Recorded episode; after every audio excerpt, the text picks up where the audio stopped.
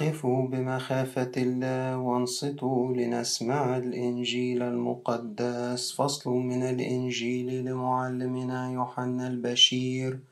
بركته على جميعنا. من مزامير أبينا داود النبي. بركته مع جميعنا. أنفسنا تنتظر الرب في كل حين. لأنه هو معيننا وناصرنا وبه يفرح قلبنا لأننا على اسمه القدوس اتكلنا الليلويا. مبارك الآتي باسم رب القوات ربنا وإلهنا ومخلصنا ومالكنا كلنا. يسوع المسيح ابن الله الحي له المجد الدائم إلى الأبد أمين. قال لهم يسوع متى رفعتم ابن الإنسان؟ فحينئذ تعلمون أني أنا هو. ولست أفعل شيئا من نفسي وحدي بل كما علمني أبي فبهذا أتكلم. والذي أرسلني هو معي ولم يتركني وحدي. لأني أفعل ما يرضيه كل حين. وفيما هو يقول هذا آمن به كثيرون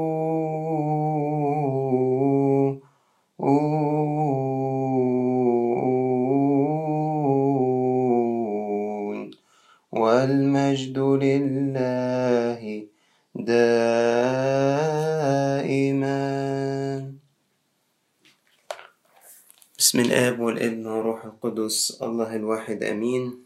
أهلا بكم يا أحباء في لقاء جديد من تأملاتنا في قراءات الخمسين المقدسة.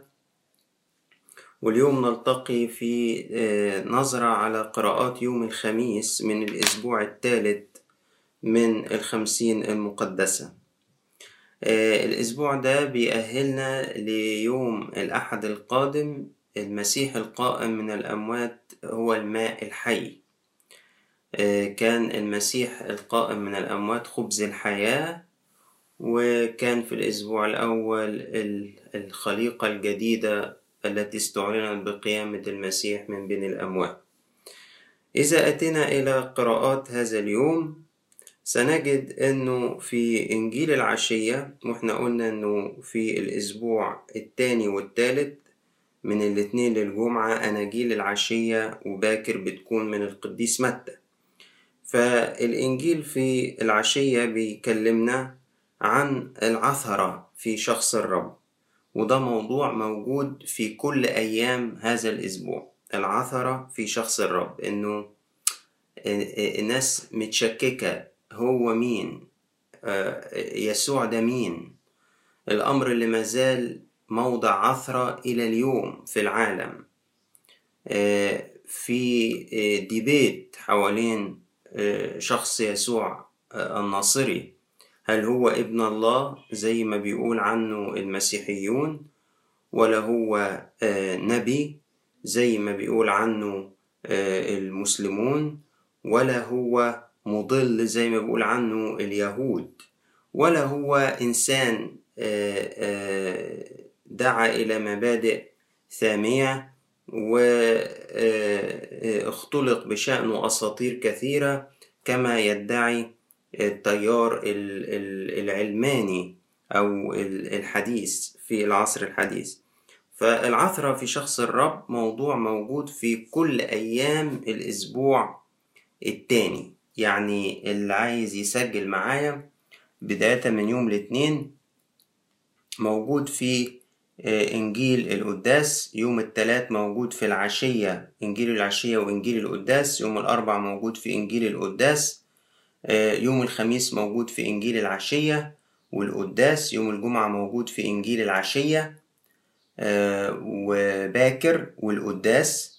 يوم السبت موجود في إنجيل باكر وإنجيل القداس.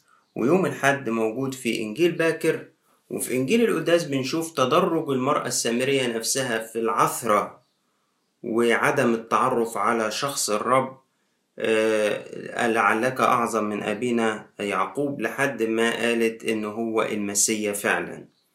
ف الموضوع ده هتلاقوه موجود في كل قراءات هذا الأسبوع. يقول لنا كده حدث لما أكمل يسوع هذه الأمثال انتقل من هناك ولما جاء إلى وطنه كان يعلمهم في مجامعهم حتى بهتوا وقالوا من أين لهذا هذه الحكمة وهذه القوات؟ أليس هذا ابن النجار؟ أليست أمه مريم وإخوته يعقوب ويوسي وسمعان ويهوذا؟ أوليست أخواته جميعهن عندنا؟ فمن أين لهذا هذه كلها؟ وكانوا يشكون فيه. فقال لهم يسوع لا يهان نبي في مكان ما إلا في وطنه وبيته ولم يصنع هناك قوات كثيرة لعدم إيمانهم لا زال العالم متشكك من جهة هوية يسوع. هل هو فعلا إله حق زي ما بيقول المسيحيين؟ وكونهم بيقولوا ده بيقولوا بناء على قيامته من بين الأموات ولا هو نبي زي ما بيقول الإسلام ولا هو مضل زي ما بيقول اليهود ولا هو إنسان التاريخ زي ما بيقول عنه العلم الحديث. علينا إن إحنا نتمسك بما عندنا زي ما بيقول لنا القديس يوحنا طوال هذه الفترة اثبتوا فيه. الكلمة التي سمعتموها منه اثبتوا فيها. مش عايزين نتشكك في هوية الرب لأنه بناء على هوية الرب يتحدد مصيرنا الأبدي إذا كنا نخلص أو لا. لأنه إن لم يكن يسوع واحد مع الآب في الجوهر فلا يكون هناك اتحاد بين الله والإنسان ولا يمكن أن تقتني الطبيعة البشرية حياة الله أو تشترك فيها. إذا أتينا إلى مزمور إنجيل باكر يقول في أوقات الغدوات كنت أقتل جميع خطاة الأرض لأبيد من مدينة الرب جميع صانع الإثم أنا الحقيقة عايز ألتفت للمعنى الروحي لهذا المزمور مين هي مدينة الرب؟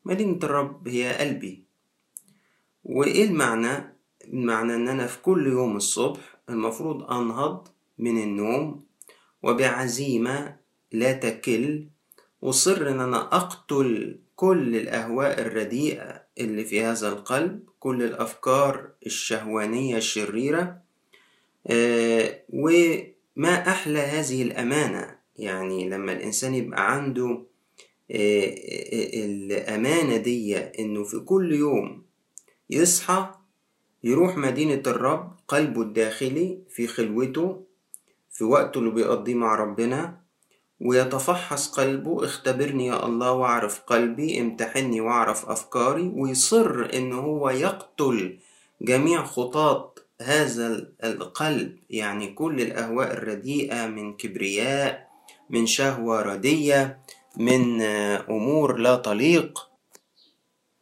فجميل جدا إن الإنسان في كل يوم يستعين بنعمة الله وبوصايا الكتاب المقدس وبتعليم الآباء القديسين ويشن حرب بلا هوادة على كل الأهواء أعداء الرب اللي في مدينة الرب اللي هي القلب.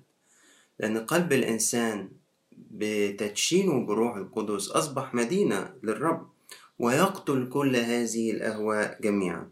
إذا أتينا إلى إنجيل باكر يقول لنا ان الفريسيين لما سمعوا إنه الرب أبكم الصدوقيين بشأن القيامة اتبسطوا. افتكروا إنه هيخدم مقاصدهم مش إن هو بيقول الحق. فقام واحد ناموسي ليجربه. فقال له يا معلم أية وصية هي العظمى في الناموس؟ فقال له تحب الرب إلهك من كل قلبك من كل نفسك من كل فكرة هذه عظمى الوصايا وأولها وثانية تشبه أن تحب قريبك كنفسك بهاتين الوصيتين يتعلق الناموس كله والأنبياء السؤال اللي عايز أسأله فكرنا كده هل الناموس ده هيقدر ينفذ الوصية؟ في اعتقادي لا مش هيقدر ينفذها لأنه المدخل للمعرفة مدخل اختباري. أنا عايز أختبر ربنا. أشوفه هيجاوب صح ولا هيجاوب غلط. أشوفه آه، هيعمل إيه معايا. أشوفه هيديني ولا مش هيديني. أشوفه هيكرمني ولا مش هيكرمني. أشوفه هيكون أمين معايا ولا مش أمين معايا. فالإنسان إذا ما دخل بهذا القلب وبهذا التوجه لما ربنا يعطيه كلمة مش هيعرف يعيشها. بالذات وصية محبة الرب من كل القلب. ومحبة القريب كالنفس. يقول لنا الآباء القديسين إنك مش هتقدر تعيشها إلا لو اقتنيت التواضع وطردت عنك الأنانية. يعني ما يقدرش حد يحب فعلا يحب الله فعلا ويحب الآخر فعلا لأجل نفسه لأجل نفس الآخر مش لأجل إن الآخر بي بيكمل لي صورة ذاتي. أو زي الملك اللي بيحب الرعية عشان بيسقفوله. لكن هو ما بيحبش الرعية لذاتهم. مش هقدر أحب الآخر لأجل ذاته ولا أحب الله ما لم أقتني التواضع وأطرد عني الأنانية. إذا أتينا إلى قراءات القداس ونشوف البولس. نلاقي مجموعة من الضلالات والأوهام اللي كتير إبليس يزرعها جوايا كإنسان عايش في الكنيسة وليا رتبة في الكنيسة أو بخدم فالقديس بولس يقول وذا أنت تسمى يهوديا. شيل يهوديا دي وحط بقى إن أنا مسيحي آه، أنا يعني راجل آه، متعصب لكنيستي أنا راجل آه، خادم أنا راجل أنا أنا أبونا. تسمى يهوديا وتتكل على الناموس وتفتخر بالله وتعرف مشيئة الله وتميز الأمور المتخالفة. وتثق أنك قائد للعميان ونور للذين في الظلمة. ومهذب للأغبياء ومعلم للصبيان ولك صورة العلم والحق في الناموس. أنا أكملها كده بآية من سفر الرؤيا ولست تعلم أنك أنت شقي وبائس وفقير وأعمى وعريان. يلي أنت فاكر في نفسك إن أنت فاهم في كل حاجة في الطريق الروحي وياريت الناس تيجي تسألني وتستفيد من الخبرة اللي عندي ومن المعلومات اللي عندي وتتلمذ عندي وأنا أقول وأعيد وأزيد. وربنا صعبان عليه حالي إن أنا مغماية عينيا مش شايف حقيقة نفسي. فيجي ربنا في يوم كده يهزني بقوة فيقول لي ولست تعلم أنك أنت شقي وبائس وفقير وأعمى وعريان. إذا أتينا إلى الكاثوليكون من الرسالة الأولى للقديس يوحنا أصحاح اتنين عدد ستة وعشرين والآية أحد الآية الأولى من أصحاح تلاتة آه كتبت إليكم هذا عن الذين يضلونكم فأما أنتم فالمسحة التي قبلتموها منه ثابتة فيكم. ولستم محتاجين إلى أن يعلمكم أحد بل كما تعلمكم هذه المسحة عينها ده الروح القدس. وهي صادقة لا كذب فيها وبحسب ما علمتكم اثبتوا. علمتنا أن يسوع هو ابن الله فلا نعود نتزعزع عن إيماننا في شخص المسيح. علمتنا أننا خطاة وفي احتياج إلى خلاص المسيح فلا نظن في أنفسنا أننا أبرار. علمتنا أن أولى الوصايا وأعظمها أن تحب الرب إلهك وأن تحب قريبك كنفسك. علمتنا أنه لكيما نحب الله والآخرين علينا أن نقتني الاتضاع وأن نطرد عنا الأنانية. فالآن أيها البنون اثبتوا فيه. حتى إذا ظهر يكون لنا ثقة ولا نخجل منه عند مجيئه. إن علمتم أنه بار هو فاعلموا أن كل من يعمل البر فإنه مولود منه. انظروا أية محبة أعطانا الآب حتى ندعى أبناء الله. من أجل هذا لا يعرفنا العالم لأنه هو أيضا لا يعرفه. إحنا قلنا في إنجيل العشية إن هما كانوا متشككين فيه وقال لك إيه ده؟ مش ده ابن النجار؟ مش ده ابن مريم فالعالم لم يعرفه. فلو انت ابن ربنا فعلا ما تنتظرش إن العالم يعرفك أو يعرف قدرك أو يقول يا سلام فلان ده عظيم. لا مش هيقول كده. ولو قال كده عليا إن أنا أخاف لأن العالم لم يعرفه. وزي ما ما عرفوش المفروض ما يعرفناش لأن إحنا لسنا من هذا العالم. أما إن العالم عرفنا وادانا كرامة وادانا وضع وادانا احترام وتقدير فهنا نخاف لأنه مش ده اللي حصل مع يسوع. آه وبالتالي المفروض إنه ما يحصلش معانا. آه عشان كده وصية للإنسان الجديد لا تسعى أن تكون معروفا في العالم أو من العالم أو للعالم. الإبراكسيس القصة الرهيبة بتاعت حنانيا والسفيرة. الرجل وزوجته اللي لما لقيوا حركة تكريس هائلة في الكنيسة وإنه الأغنياء من كتر امتلاءهم بالروح القدس اللي بقي نار جواهم بدأوا يبيعوا ممتلكاتهم ويحطوا كل شيء تحت أقدام الرسل ويقولوا إحنا إيه الرسل يوزعوا ونعيش زينا زي الباقيين. طبعا مستوى فائق وصلت له الطبيعة البشرية. ندر أنه يكون في هذا الزمان عاشته الكنيسة الأولى بصورة فائقة. فبقي ده زي ما يكون كده إيه, إيه بارامتر أو مقياس. بص بص الناس دي امتلأت بروح القدس لدرجة إيه؟ فكان في اتنين عندهم حقل حنانيا وسفيرة.